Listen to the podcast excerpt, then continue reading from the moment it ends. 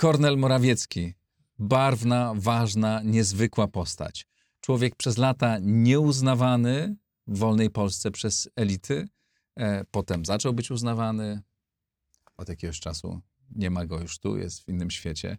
Jakim był człowiekiem, jakim był przywódcą, jakim był bojownikiem, jakim był politykiem, jakie kontrowersje wywoływał. O tym dzisiaj w Układzie Otwartym. Bardzo dziękuję wszystkim patronom, dzięki którym mogę e, tak różnorodne rozmowy prowadzić. Dzięki Wam mogę ten, ten program jest w 100% niezależny. Kto z Państwa chciałby dołączyć do tego grona, do czego serdecznie namawiam, zapraszam na mój profil w serwisie patronite.pl.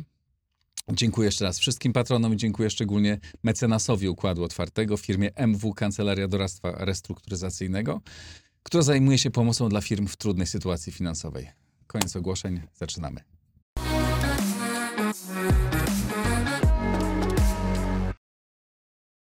Bogdan Rymanowski, e, dziennikarz stacji dobry, różnych telewizyjnych i radiowych, ale teraz e, przede wszystkim autor tej książki, Dopaść e, Morawieckiego. Książka gruba i solidna. Czy pamiętasz, kiedy ostatni raz się widzieliśmy? Pamiętam, bo trudno tego nie pamiętać. To był chyba rok 2014 Tak. I przy okazji premiery twojej książki, która tym- zapoczątkowała tak naprawdę, myślę, książki e, w tym mainstreamie dotyczące Solidarności Walczącej, bo to była twierdza. Tak, to była twierdza i wtedy ty prowadziłeś spotkanie Tak. I e, wtedy ze jeszcze mną. był z nami Kornel Morawiecki. Tak, żyjący Kornel e, Morawiecki, jeszcze kilka osób było, no ale Kornel był tam e, najważniejszy. I sobie uświadomiłem, że myśmy od tego czasu się nie widzieli. To Znaczy, prawda. widziałem cię... Osiem e, lat, osiem tak, lat. Osiem lat Cała minęło. epoka praktycznie bardzo szybko przeszło. Tak. No i wtedy jeszcze Kornel żył. Tak. Ja o Kornelu napisałem jeden niewielki rozdział w tej książce, a ty napisałeś 700? 700 stron. Bo Kornel tak naprawdę te 700 stron to i tak jest za mało. Kornel jest postacią, która nie tylko jest y, legendą podziemia, no, ukrywał się blisko 6 lat, najdłużej ze wszystkich znanych postaci. Więcej niż Bujak, więcej niż Frasyniuk, więcej niż Pinior, Bednarz, bohaterowie e, wrocławskiego podziemia. To jest nie tylko bojownik, to nie jest tylko wybitny opozycjonista, ale to jest też nieprawdopodobny oryginał i człowiek, który można powiedzieć y, był umysłem renesansu. Bo z jednej strony absolutnie wybitny fizyk, on osiągnął y, stopień doktora fizyki. E, Nawet był taki moment, kiedy y, zajmowałem się jego właśnie czasem studenckim i potem e, początkami na uczelni wrocławskiej, na Uniwersytecie Wrocławskim. Y, To on był specjalistą od fizyki kwantowej, fizyki teoretycznej e, i zrobił pracę, którą zainteresowali się Amerykanie i nawet dostał propozycję stypendium na Harvardzie. No były to jednak lata 70. i to też pierwsza, pierwsza sprawa, która też buduje i go jako człowieka. E, Zapewne wiele osób, znamy karierę wielu polskich profesorów, skorzystałoby z takiego stypendium.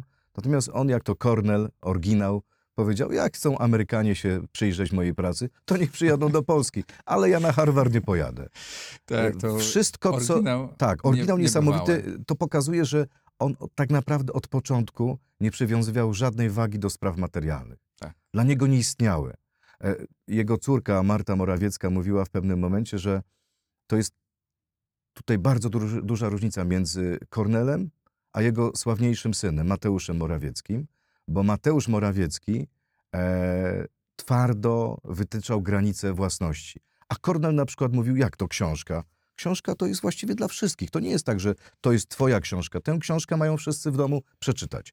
No i cała Rozdawał, rodzina czytała. Produkował też Gazeta Obywatelska. Gazety, rozdawał. Pamiętasz, co się Tak, działo z tak. Kornelem? Przychodził do studia TVN-u, czy w miejsce y, do Sejmu, do kościoła nawet wchodził do kościoła i rozdawał tą Gazetę Też byłem Obywatelską. tego ofiarą.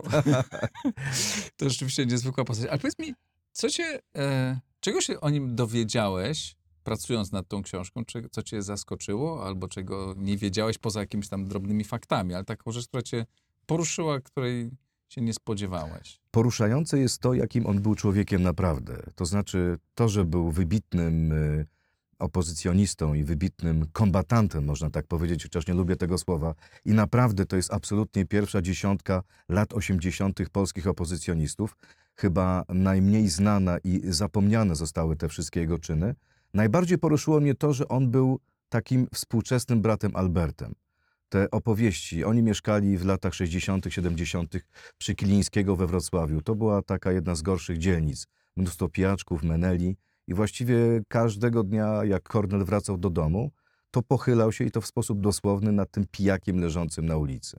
Taka scena, która, którą opowiadała mi pani Jadwiga Morawiecka, żona Kornela, że e, słyszy jakieś krzyki, przez okno e, wypada z domu, jakiś tam pijak e, stoi przy, przy słupie, mówi, żeby go podprowadzić parę metrów dalej, ale na tym się nie kończy. To nie jest tak na pokaz robione, tylko Kornel widzi, co się dzieje z tym człowiekiem, że on jest e, no tak naprawdę pogrążony w alkoholu, że jest biedny, że śmierdzi. Zaprasza go do domu, daje mu jeść, myje go i następnego dnia idzie z nim do lekarza.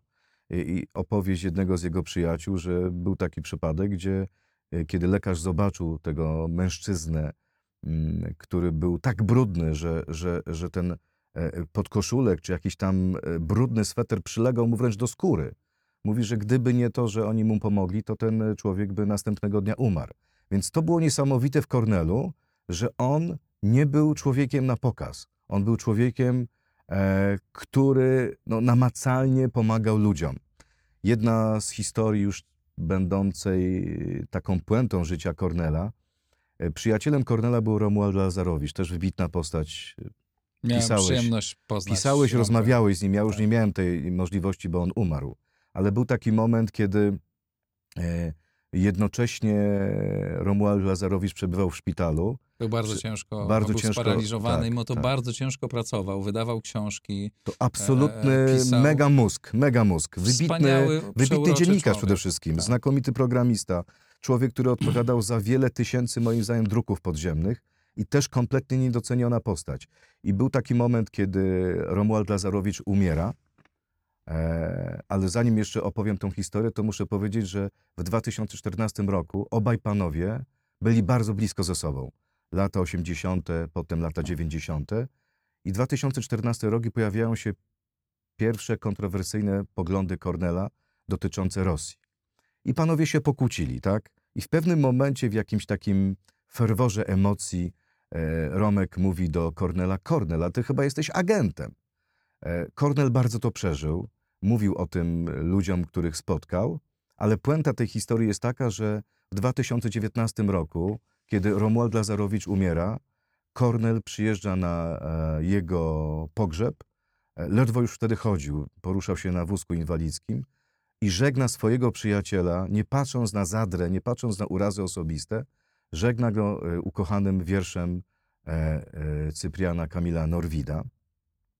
Więc mimo tego, że on różnił się ze swoimi przyjaciółmi, W potrafił... sprawie, w sprawie Rosji na koniec poruszył się prawie praktycznie ze wszystkimi. dokładnie tak. Tam to były była, napięcia to, była, bardzo to duże. było mega napięcie. Ja przy sam tym nie mogłem zrozumieć, e, co on wygaduje e, czasem. Ciężko było zrozumieć. A to było prze- przed wojną. Próbuję, Nasz- właśnie, trzeba pamiętać o tym, że to był rok 2018. Myślę, że gdyby doszło do wojny, to Cztery byłby, jego wybór przed- byłby jednoznaczny. przed wybuchem e, 24 lutego kolejnej tej na masową skalę wojny na Ukrainie. Ale puenta jest taka, że on żegna tego przyjaciela Romka, żegna go pięknie e, i potem odbywa się stypa w jednej z wrocławskich restauracji, chyba w Konspirze, którą również dobrze znasz. E, Prowadzonej przez jednego z tak działaczy Solidarności. Walczącej. I wokół Kornela siedzi tak bardzo zmęczony, wykończony już. To było kilka tygodni przed śmiercią Mhm. Kornela samego. E, wokół grupka ludzi chcą się spotkać z Kornelem, pogadać. Każdy chce zamienić jedno słowo z legendą, z przyjacielem, z dowódcą z lat 80. I podchodzi do niego Maria Koziebrocka. Też postać wybitna. Dzisiaj jest to bardzo wzięta nauczycielka w jednej z waszyngtońskich szkół. Ona uczyła kogoś z rodziny Obamy? Ona uczyła y, córki Obamy. Córki Obamy. Tak. uczyła dzieci Woodwarda, e, nie wiem czy innych polityków również, chyba Johna Woodwarda Kennedy'ego. dziennikarza, tak? Tak jest, Hmm. tego dziennikarza.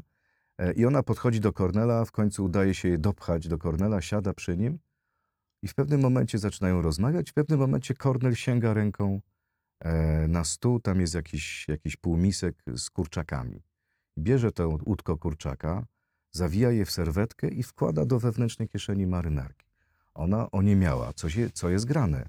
No i tak pytającym wzrokiem patrzy na tego Kornela. Mówi, Kornel, A on mówi, no wiesz dziecinko, wiesz Marysiu, będę szedł do domu, ktoś może tego potrzebować. I to był właśnie ten Kornel, który Taki był. mimo tego, że można powiedzieć bujał w chmurach polityki, albo raczej metapolityki, był fantastycznym człowiekiem. Jednocześnie ten, bo ten, to też warto wyjaśnić i powiedzieć o tym jego. On był zafascynowany Rosją, ale tą Rosją taką głęboką e, Rosją e, wielkich twórców, e, pisarzy. Marzył o tej Rosji, której tak naprawdę nie ma, pewnie, która była w naszej imaginacji bardziej. I też trzeba bardzo powiedzieć, że on e, pomagał e, opozycji e, rosyjskiej, Solidarność Walcząca.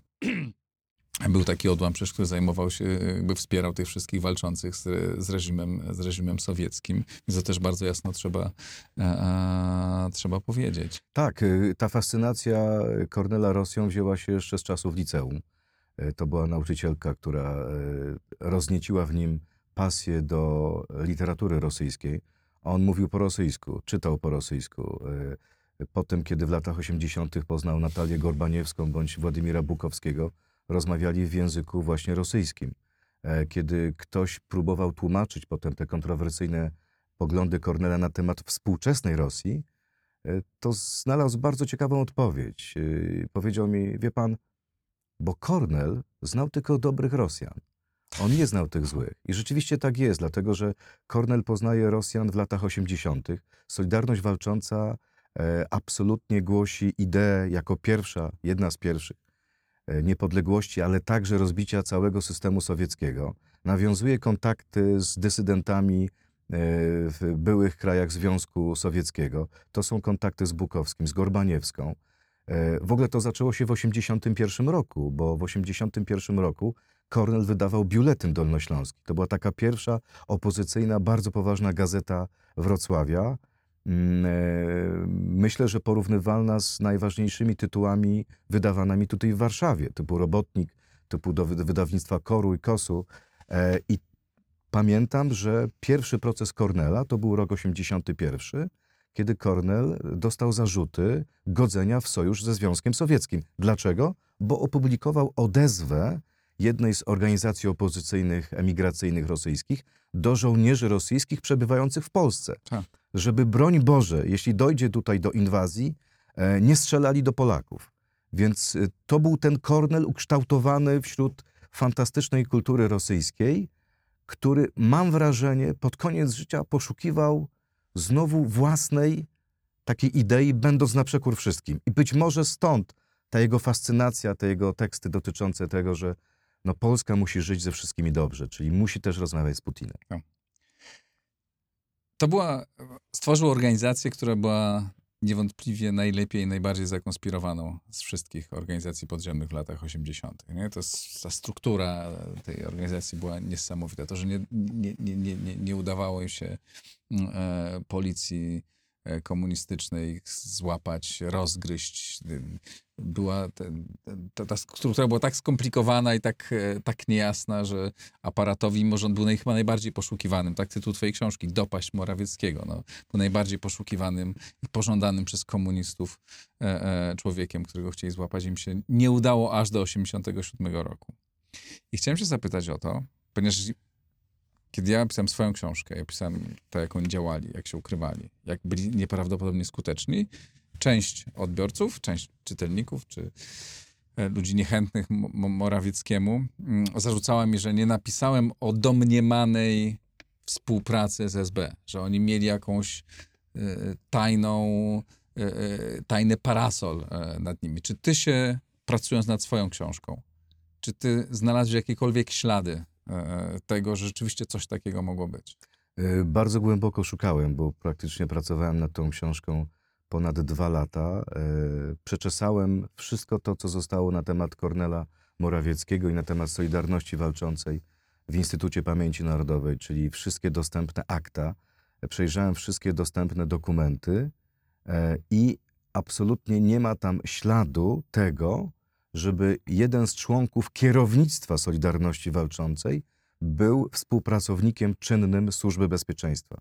Co to oznacza? To oznacza, że Służba Bezpieczeństwa nie miała w jądrze organizacji swojego agenta.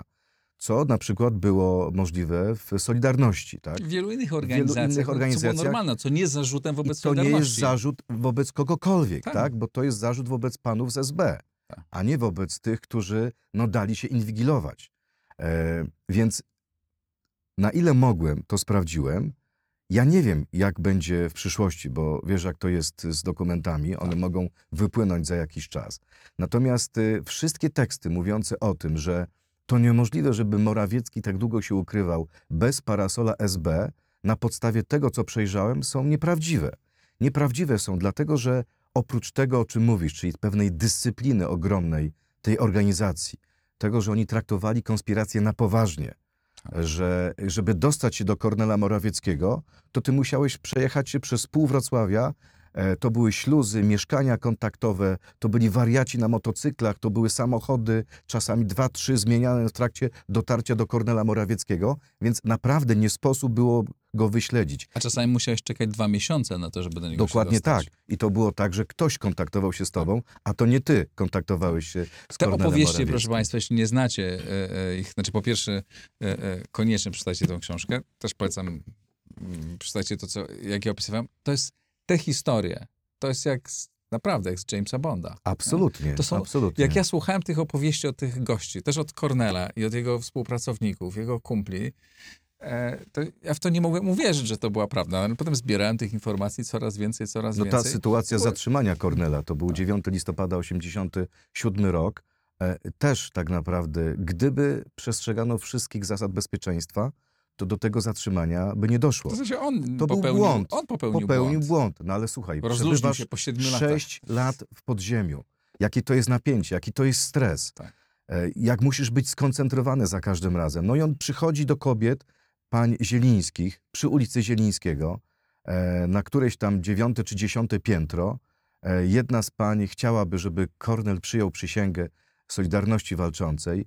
Dzwoni do, do swojej siostry. Okazuje się, że to mieszkanie jest inwigilowane, że jest cały czas pod lupą SB i po 10-15 minutach wpada cała menażeria esbecko-milicyjna, rzucają się na Kornela, e, zostaje zatrzymany razem z najbliższą jego współpracowniczką i osobą, której bardzo dużo zawdzięcza. E, Rzucają się na Kornela, przeczesują jego marynarkę, sprawdzają, że nie ma broni, zakładają mu kajdanki i ten esbek mówi do niego, a my, jak to, przywódca tak radykalnej organizacji, terrorystycznej organizacji i nie ma gnata? A na to Kornel miał powiedzieć, że no ja nie mam gnata, ale jeśli mnie zabijecie, to mój następca na pewno Będzie będzie chodził już z Uzi. Tak. E, i, I to był właśnie Kornel, chociaż tak naprawdę kolejna łatka, która e, można powiedzieć spotkała Kornela, że to jest terrorysta, ona jest zupełnie nieprawdziwa w kontekście jego charakteru nawet. rzeczywiście no miałem wielki zaszczyt i przyjemność no, wielokrotnie z nim rozmawiać w bardzo różnych sytuacjach. To miękki, ciepły, tak jak mówisz, dobry człowiek, taki naprawdę ciepły, tak jak w życiu rzeczywiście niepasujący do wizerunku kompletnie tej e, organizacji.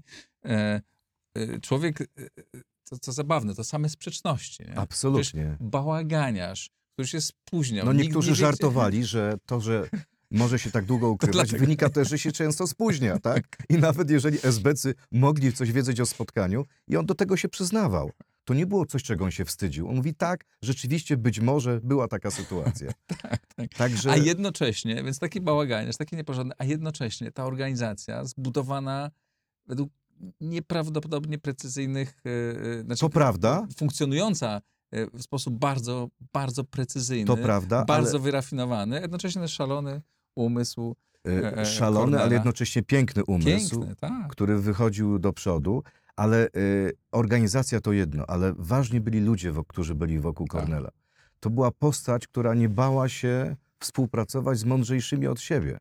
Wokół niego byli sami profesorowie. Nie wiem, czy pamiętasz, że jak, powstała Solidarność Politechniki. Walcząca, to ta grupa zakładająca w, w, spośród tych wszystkich ludzi, chyba wszyscy, może bez jednej osoby już nie pamiętam, ale to wszyscy albo prawie wszyscy, mieli tytuł doktora. Absolutnie. E, I to, a, I to absolutnie. doktora nauk e, e, najczęściej to był ścisły. Ścisłych, to, To byli nie byli- to nie byli albo humaniści. matematycy. Tak, absolutnie To były czołówka takie łby, Solidarności. Walczącej to była, to była absolutnie elita matematyczna, tak naprawdę. Ludzie, Bo którzy... ta organizacja była taka matematyczna na swój I sposób. tak i nie. tak, no, i tak, tak i i nie. nie, tak. bo, bo też było piękne w tej organizacji. E, Kornel wspomina, jak e, już deportowany został z Polski w 1988 roku i wspomina, że gdzieś tam w Chicago czy w Toronto podchodzi do niego facet ze Szczecina, przedstawia tam się Jan Iksiński i mówi, że ja też byłem w Solidarności Walczącej. Ja mówię, ale jak to pan był w Tak. Solidarności Walczącej? Mówię, no tak, dlatego, że ja przeczytałem wasz program, przeczytałem wasze idee i ja potem kolportowałem i drukowałem, e, powielałem te ulotki sam. Czyli ja też byłem w Solidarności Walczącej. I to była ta struktura e, e, fraktali, można tak. powiedzieć. Czyli każdy, kto związany jest z ideami Solidarności Walczącej, a może sam zorganizować druk, może sam zorganizować kolportaż, w naturalny sposób jest członkiem Solidarności Walczącej. Oczywiście był mechanizm przysięgi. Przysięgano. To bardzo jedna chyba z nielicznych organizacji podziemnych, gdzie przysięgano, więc było nawiązanie do Armii Krajowej i Polskiego Państwa Podziemnego, ale było mnóstwo osób, które po prostu utożsamiały się e, z Solidarnością Walczącą i z Kornelem.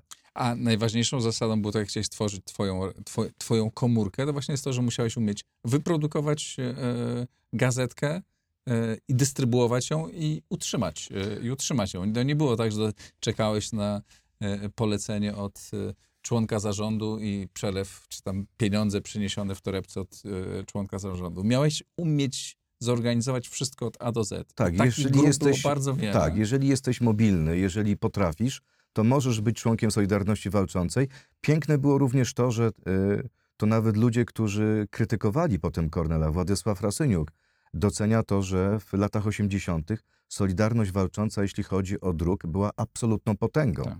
Oni potrafili tę Solidarność Walczącą, pismo o takiej samej nazwie, powielać w kilku, kilkunastu drukarniach jednocześnie. Także jeśli nawet jedna drukarnia wpadła, to w naturalny sposób ta gazeta mogła funkcjonować dalej. Bo był taki, właśnie była taka różnica między tą drugą częścią opozycji, która e, miała, budowała najczęściej duże drukarnie, które oczywiście odnosiły też, były nie, niezwykle ważne, absolutnie tego nie, nie deprecjonuję, tylko jak wpadła taka duża drukarnia, no to był problem, bo nie było druku przez długi czas. A Solidarność Walcząca miała setki czy dziesiątki małych drukarenek, e, które jeśli wpadały, to można było bardzo łatwo je odtworzyć e, za chwilę w drugim miejscu przez drugą osobę, bo jeszcze zadaniem drukarza było oprócz drukowania szkolenie następnych drukarzy Dokładnie przygotowanych tak. do tego, żeby mogli sami to I robić. był taki bardzo krytyczny moment w działalności Solidarności Walczącej, czyli wpadka Klementowskiego. To był rok Mhm. 84. Wtedy y, właśnie jeden z bardzo wa- poważnych działaczy Solidarności został zatrzymany. Nie był agentem wcześniej, został zatrzymany i po prostu nie wytrzymał nacisku, nie wytrzymał presji. Prawdopodobnie był też bity podczas przesłuchań i zaczął sypać. Zaczął sypać i y, y, sypnął kilkadziesiąt osób. Wydawało się, że organizacja, która dostanie taki cios w splot słoneczny, już się nie podniesie, ale jednak nie. Jednak nie. Ta ofiarność i to, te zasady BHP przyniosły efekt. No i na szczęście cała ekipa wyszła na mocy amnestii w 22 lipca 84 roku. Może jeszcze warto też opowiedzieć o tym, jak oni, o ich technice, bo to była nieprawdopodobnie zaawansowana technologicznie organizacja. To prawda, ale to wszystko wynikało z dwóch powodów. Po pierwsze, umiejętności e, matematyczne, umysłów ścisłych. To byli ludzie, którzy, dla, dla których nie było problemu e, ze zrobieniem radioodbiornika, radia, które nadaje, dla których nie było problemów do e, przeformatowania e, skanera, który otrzymałeś z zachodu, bo takie przychodziły, były przemycane czy to od Amerykanów, czy od Niemców. I oni tak naprawdę z tym skanerem, no, sprawa skanera, to jest urządzenie, które służy do tego, żeby podsłuchiwać częstotliwości milicyjno-esbeckie. E, kiedy SB e, dostała informację, dostała przeciek, że prawdopodobnie jesteśmy podsłuchiwani, no to musieli zmieniać specjalne kody, inaczej mówić, inaczej się porozumiewać. Ale do czego ten skaner był potrzebny? Do, to, do tego, żeby wyprzedzać ruchy służby bezpieczeństwa. Jeżeli Oni słyszysz, śledzili przecież SB-ków, którzy mieli ich śledzić. to prawda, aczkolwiek najważniejsza e, jakby sprawa to była sprawa własnego bezpieczeństwa. Tak. Miałeś skaner przy sobie, y, słyszałeś, czy wokół coś się dzieje, czy jest cisza, i paradoksalnie cisza była najbardziej niebezpieczna, bo jeżeli jest cisza, to znaczy, że prawdopodobnie panowie wiedzą, że my wiemy, że my podsłuchujemy i robią coś poza eterem. Opowiedzmy jeszcze o jednej rzeczy, która wywoła, wywoływała kontrowersje, mianowicie tego, czy to że produkowali broń, przygotowali broń i były zarzuty, podejrzenia, że to jest organizacja terrorystyczna. No to był ten moment, y, myślę, że dwie sprawy, mianowicie rok 87 i to było zatrzymanie takiego e, przemytu e, ze Szwecji. E, w tą sprawę był zamieszany Szymański, to był taki działacz Solidarności, e, współpracownik zresztą Bo- Bogdana Borusewicza, który miał kontakty z biurem brukselskim Solidarności, panem Milewskim i tak dalej, i tak e, kontakt z nim złapał Andrzej Kołodziej, czyli też legendarna postać Solidarności Walczącej, tyle że z Gdańska, z Trójmiasta. No i był moment, kiedy zatrzymano e, ten przemyt, zatrzymano tą przesyłkę i niestety albo stety w tej przesyłce znalazły się urządzenia, które mogły posłużyć do e, tego, żeby wykorzystać je na przykład do oddawania strzałów bo były tam pistolety gazowe, były tam lunety, to wszystko było zapakowane w takich lodówkach profesjonalnie. Niestety od początku do końca okazało się, że dzięki jednemu z agentów ulokowanych na linii Szwecja-Warszawa, e, Służba Bezpieczeństwa miała pełną kontrolę nad tą przesyłką. Kiedy ta przesyłka wpadła, kilka tygodni później wpadł Kordel Morawiecki, próbowano przypisać, tak naprawdę dorobić gębę terrorysty Kornelowi Morawieckiemu. No i próbowano, zatrzymano jego, potem zatrzymano Andrzeja Kołodzieja. No i był moment, kiedy Służba Bezpieczeństwa, kiedy władze PRL chciały wytoczyć proces y, o terroryzm. Potem zmieniły to tak naprawdę na paragraf dotyczący przemytu, ale cały czas jakby w obiegu publicznym Jerzy Urban przedstawiał Kornela Morawieckiego jako tego terrorystę. Czy coś było e, z terrorystów Solidarności Walczącej? Moim zdaniem praktycznie nic. Aczkolwiek były epizody z materiałami wybuchowymi i z Oczywiście. pistoletami. I z, produ- z produkcją e, broni w Stoczni Komuny Paryskiej, która była chroniona przez komunistów. Oni produkowali tam elementy, e, elementy do broni. E, ponieważ zakładali, taka była, jak rozumiem, po- powiedz jakby jak ty na to, jakby do, do jakiej informacji ty dotarłeś i jak ty to widziałeś, ale z tego, co mnie opowiadali e, i słyszałem to od bardzo wielu osób, no to idea była taka. Musimy być przygotowani na to, jeśli oni nas zaatakują. Jeśli oni nas zaatakują, e, to my musimy być gotowi na to, żeby odpowiedzieć. I oni muszą wiedzieć, że my możemy odpowiedzieć. To jest taka, że my, nasza odpowiedź będzie bardzo ostra. To przecież Kornel napisał do jednego z Dokładnie zbeków, tak, tak. jeżeli jedno, jeżeli kropla krwi po naszej stronie padnie, to po waszej będzie ich znacznie więcej i byli na to gotowi, ale jednocześnie mówił to i wymyślał to ten miękki, ciepły Tak, e, ten człowiek, który, który nie muchy nie wydawał mógł roz... zabić. Dokładnie tak, on nie wydawał rozkazów. Tak.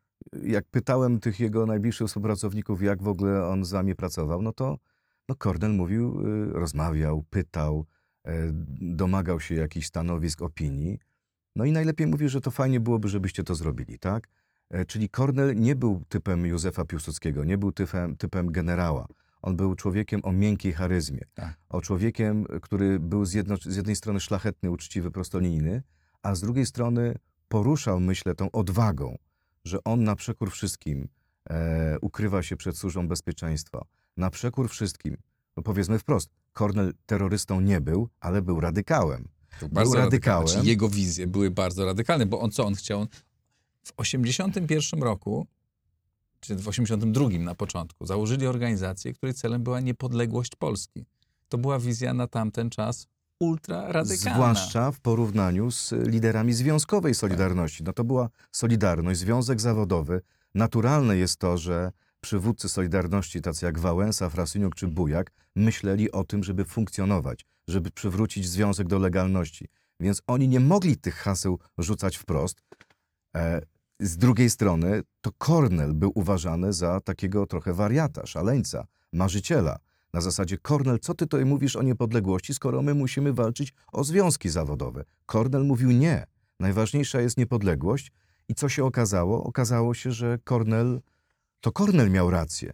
Aczkolwiek nie był żadnym beneficjentem zmian po 1989 roku.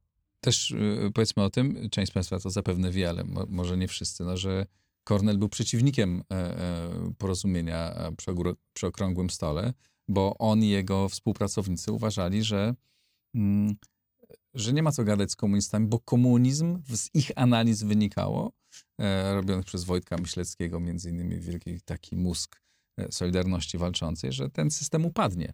Wszystko wskazywało na to, że ten system upadnie. Ja mm, byłem wtedy bardzo młodym człowiekiem i to w ogóle sobie nie, nie wyobrażałem sobie, że to, że to jest możliwe. Oni to przewidywali, zakładali, że po co się z nim dogadywać, skoro możemy wziąć całość za chwilę.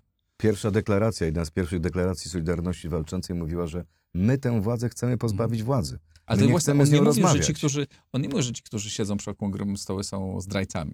Nie, to No to sytuacja mówi, jest, że ja uważam, sytuacja jest o wiele pogląd. bardziej złożona. Tak. E, To jest rok 88. Kornel, który był deportowany w maju 88 roku do Wiednia, a potem odwiedzał Amerykę, Anglię i, i Kanadę, wraca do Polski przez zieloną granicę i co zastaje? Zastaje tak naprawdę pierwsze próby porozumienia i rozmów nieoficjalnych generała Kiszczaka i opozycji solidarnościowej. I dlaczego Kornel mówi, że on nie siada do okrągłego stołu? Nie dlatego, że uważa, że ci ludzie, którzy siadają z Kiszczakiem, to są zdrajcy i agenci, tylko dlatego, że on nie wierzy komunistom. On mówi, solidarność walcząca to musi być taka rezerwa strategiczna. Gdyby komuniści was oszukali, to jesteśmy jeszcze my, zadekowani, e, trzymający w podziemiu e, pędzle, trzymający w podziemiu powielacze. E, w razie rozwiązania siłowego musi być reakcja. Potem oczywiście jest okrągły stół. Kornel jest sceptyczny wobec porozumień, które mają miejsce. E, e, W tym samym czasie Solidarność Walcząca się dzieli. Ja pamiętam tamte czasy, bo działałem w Federacji Młodzieży Walczącej i wiemy, że jako młodzi chłopcy mieliśmy sami dylemat, czy iść 4 czerwca na wybory, czy jednak nie, no bo to nie były wybory demokratyczne w 100%. Więc on ma taki dylemat, ale jako Kornel twierdzi, trzeba bojkotować wybory, ale jeżeli idziesz na wybory, skreśl listę komunistów. Mhm. No i potem jest rok 89, jest wybór generała Jaruzelskiego na prezydenta. Kornel od początku to kontestuje, bo uważa, że e, mamy właśnie to okienko historyczne i trzeba przyspieszyć. I A doprowadza... Jest rząd Tadeusza Mazowieckiego, który jednak no, przyspieszyć nie chce. I on, e, to doprowadziło do tego, że Kornel był uważany za wariata, za radykała, został zepchnięty na margines. On i to całe środowisko tak naprawdę. E, Ci, którzy zrobili, ci ludzie, którzy zrobili karierę z tego środowiska, tak naprawdę bardzo niewiele, ale ki, ki, kilka osób, to e, nie dlatego, że byli w Solidarności Walczącej, wręcz raczej tego nie, nie, nie, nie, nie przesadnie eksponowali, a e, byli po prostu spychani, pamięć o tym była e, spychana, jeżeli się mówiło o nich to w sposób ironiczny, byli nie wpuszczani do mainstreamu, też się nie pchali do tego mainstreamu. No i też powiedzmy, że Kornel nie, nie odnalazł się w, jako polityk, jako działacz w tej w, e, wolnej Polsce bardzo długo. Myślę, że nie odnalazł się kilku, z kilku powodów. Po pierwsze, zamilczanie Solidarności Walczącej, czyli no, trzeba zdać sobie sprawę, co się stało w 1989 roku. Dostęp do mediów otrzymała Solidarność, która akceptowała zmiany, akceptowała transformację, akceptowała linię Lecha Wałęsy. Tacy ludzie jak Kornel Morawiecki byli uważani za zdrajców, za radykałów, którzy działają przeciwko porozumieniu narodowemu. Więc oni nie mieli dostępu do mediów. Ja pamiętam wtedy o, o 90 rok, jak grzyby po deszczu zaczęły powstawać rozgłośnie radiowe. Ludzie zaczęli inaczej funkcjonować.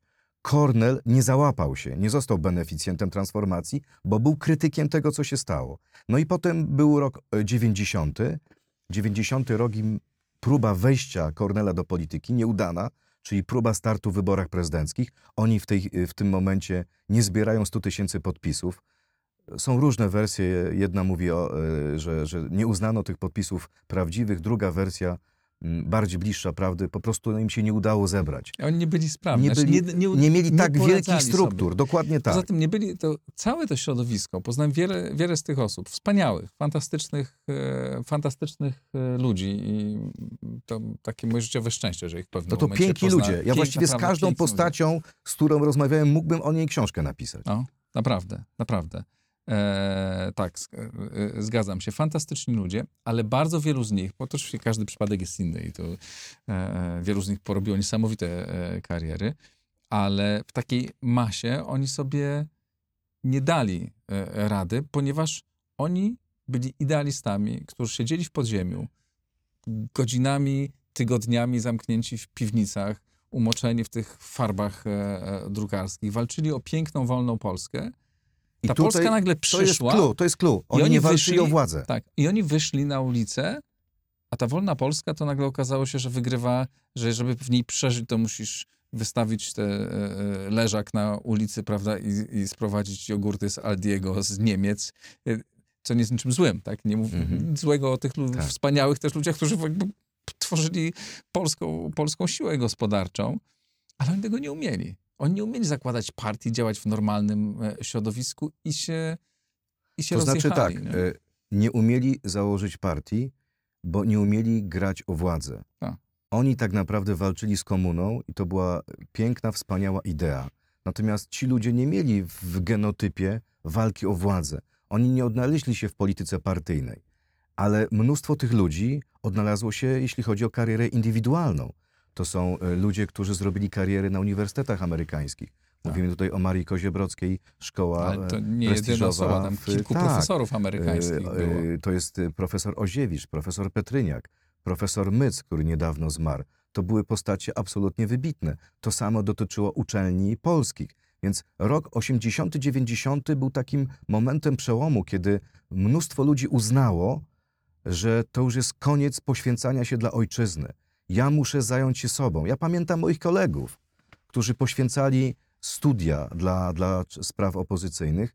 W tym momencie okazało się, że ja muszę z czegoś żyć. E, mamy wolną Polskę, odbyły się wybory powszechne prezydenckie. Rok później, co prawda późno, odbywają się wybory do parlamentu, e, więc tak naprawdę już nie potrzeba tej determinacji, tego poświęcenia. Kornel chciał wrócić e, do polskiej polityki, próbował tego robić w roku 92, 93, potem w kolejnych wyborach, ale ciągle był tym outsiderem. I nie, nie umiał tego robić, powiedzmy sobie szczerze. Robił to w sposób nieudolny. Nie, nie odnajdywał się w tym, aż do momentu, kiedy nie został e, e, marszałkiem seniorem i wygłosił to, e, to wspaniałe przemówienie, które było takim, no, to cały Kornel. No to myślę, że, y, że wszyscy ci, którzy nie znali Kornela, zaczęli się wtedy zastanawiać, Kto to kurczę, jest? kto to jest? Nie zna takiego człowieka. nie Dlaczego on znaliśmy, mówi nie? takim językiem? On mówi o tym, że niosę ciebie Polsko jak żagiew, jak To było, płomienie. to jest To było coś Myślę, cudownego. to jest coś tak zostanie. kto to tak na wiejskiej mówił o polityce? żagiew, tak. Kto tak mówił o Polsce? I ten Kornel, ja to opisuję w książce, jak on się przygotowuje do tego przemówienia, bo wie, że ma tylko pięć minut, musi je wykorzystać. Pyta oczywiście wszystkich swoich przyjaciół, co ja mam powiedzieć. Pyta córki, pyta swojej partnerki, pyta znajomych. No i co on tam przekazał? On przekazał tak naprawdę to, że warto poświęcać się dla Polski, warto być bezinteresownym, że Polska to jest tak piękna wartość, że wszystko inne jest nieważne. I wydaje mi się, że to jest taki gen Kornela, który po nim zostanie.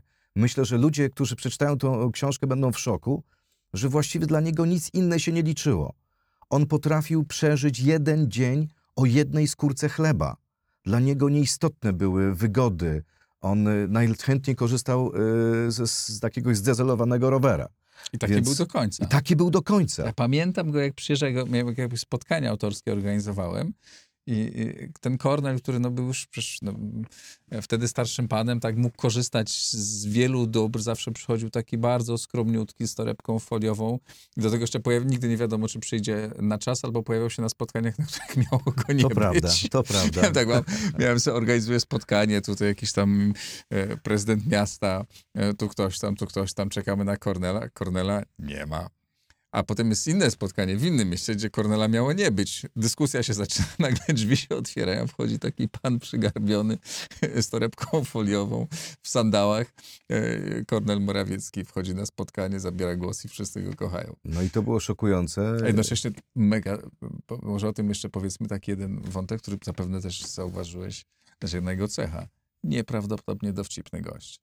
Przecież Tak. tak. zarykiwał ze śmiechu, sam z siebie, ze swoich kumpli, ze zdarzeń, które były. Umiał tak pięknie wybuchać śmiechem e, e, i, i, ten I on się nigdy nie obrażał. Nie. On się nigdy nie obrażał.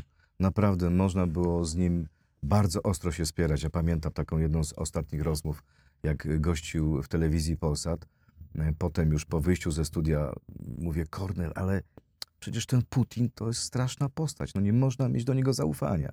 No i troszeczkę się zmagaliśmy, tak? Ale potem uścisnęliśmy sobie dłonie z uśmiechem. Do nikogo nie miał urazy. Oczywiście, że te rzeczy go dotykały, bo to był moment, kiedy część działaczy Solidarności Walczącej e, zaczęła e, go kontestować. Mówiła, że nie ma prawa do reprezentowania Że dawnej nie część. organizacji. Wtedy to prawie E, wszyscy. No prawie Znaczy nie wszyscy kontestować, nie, jako, nie jego jako osobę, sprzeciwiać się, sprzeciwiać temu, się temu. co on wyznawał. E, I wydaje mi się, że wracając jakby do tego samego Cornela, to jest coś niesamowitego, że wydaje mi się, że ludzie, którzy go nie znali, a mieli tylko drobny moment na kontakt z nim, e, przez te pięć minut e, widzieli, że to jest niesamowity człowiek. Mega człowiek, mega sympatyczny. On miał serce na dłoni. On nie skrzywdziłby muchy tutaj, a z drugiej strony był w dużej mierze wizjonerem, radykałem wtedy, kiedy inni chcieli rozmawiać z Nie umiał stanąć naprzeciwko sił 100 razy większych I od odwaga, 100 tysięcy o, razy odwaga, większych. odwaga. Co, co z tą odwagą? Wydaje mi się, że kluczem do tych nieporozumień pod koniec życia jest jego odwaga. Dlatego, że on nie bał się mówić to, co myśli.